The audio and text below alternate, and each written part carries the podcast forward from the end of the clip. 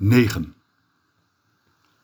Als de olijven haast rijp zijn, op de uitgestrekte vlakte buiten het dorp, als de olijven haast rijp zijn, ga ik er na zonsondergang op uit.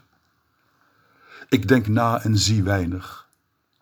Soms denk ik extra na, bijzonder diep en met gevoel voor details, zoals alleen hij kan die extra nadenkt om te beseffen aan de rand van het dorp dat mijn geluk niet in nadenken ligt.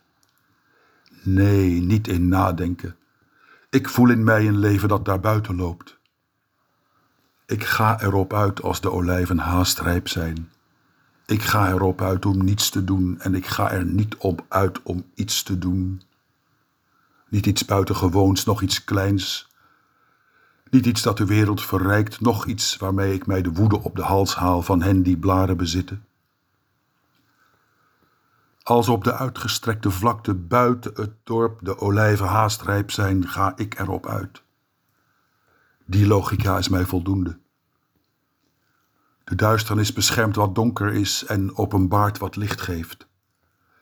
Als de zon slaapt, is de maan een wiskundige figuur Eronder vind ik mijn weg zonder reden, in de rijke straten en in de arme straten, tussen glanzende huizen, tussen haveloze huizen. Een weg die is geplaveid met lieden die hun eenzaamheid bezingen en met wachters van glas. De bioscoop stroomt leeg.